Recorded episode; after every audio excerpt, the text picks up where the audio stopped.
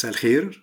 أنا أحمد يوسف founder أوف CEO وأنا ال presenter بتاع بودكاست نفسية الشركات.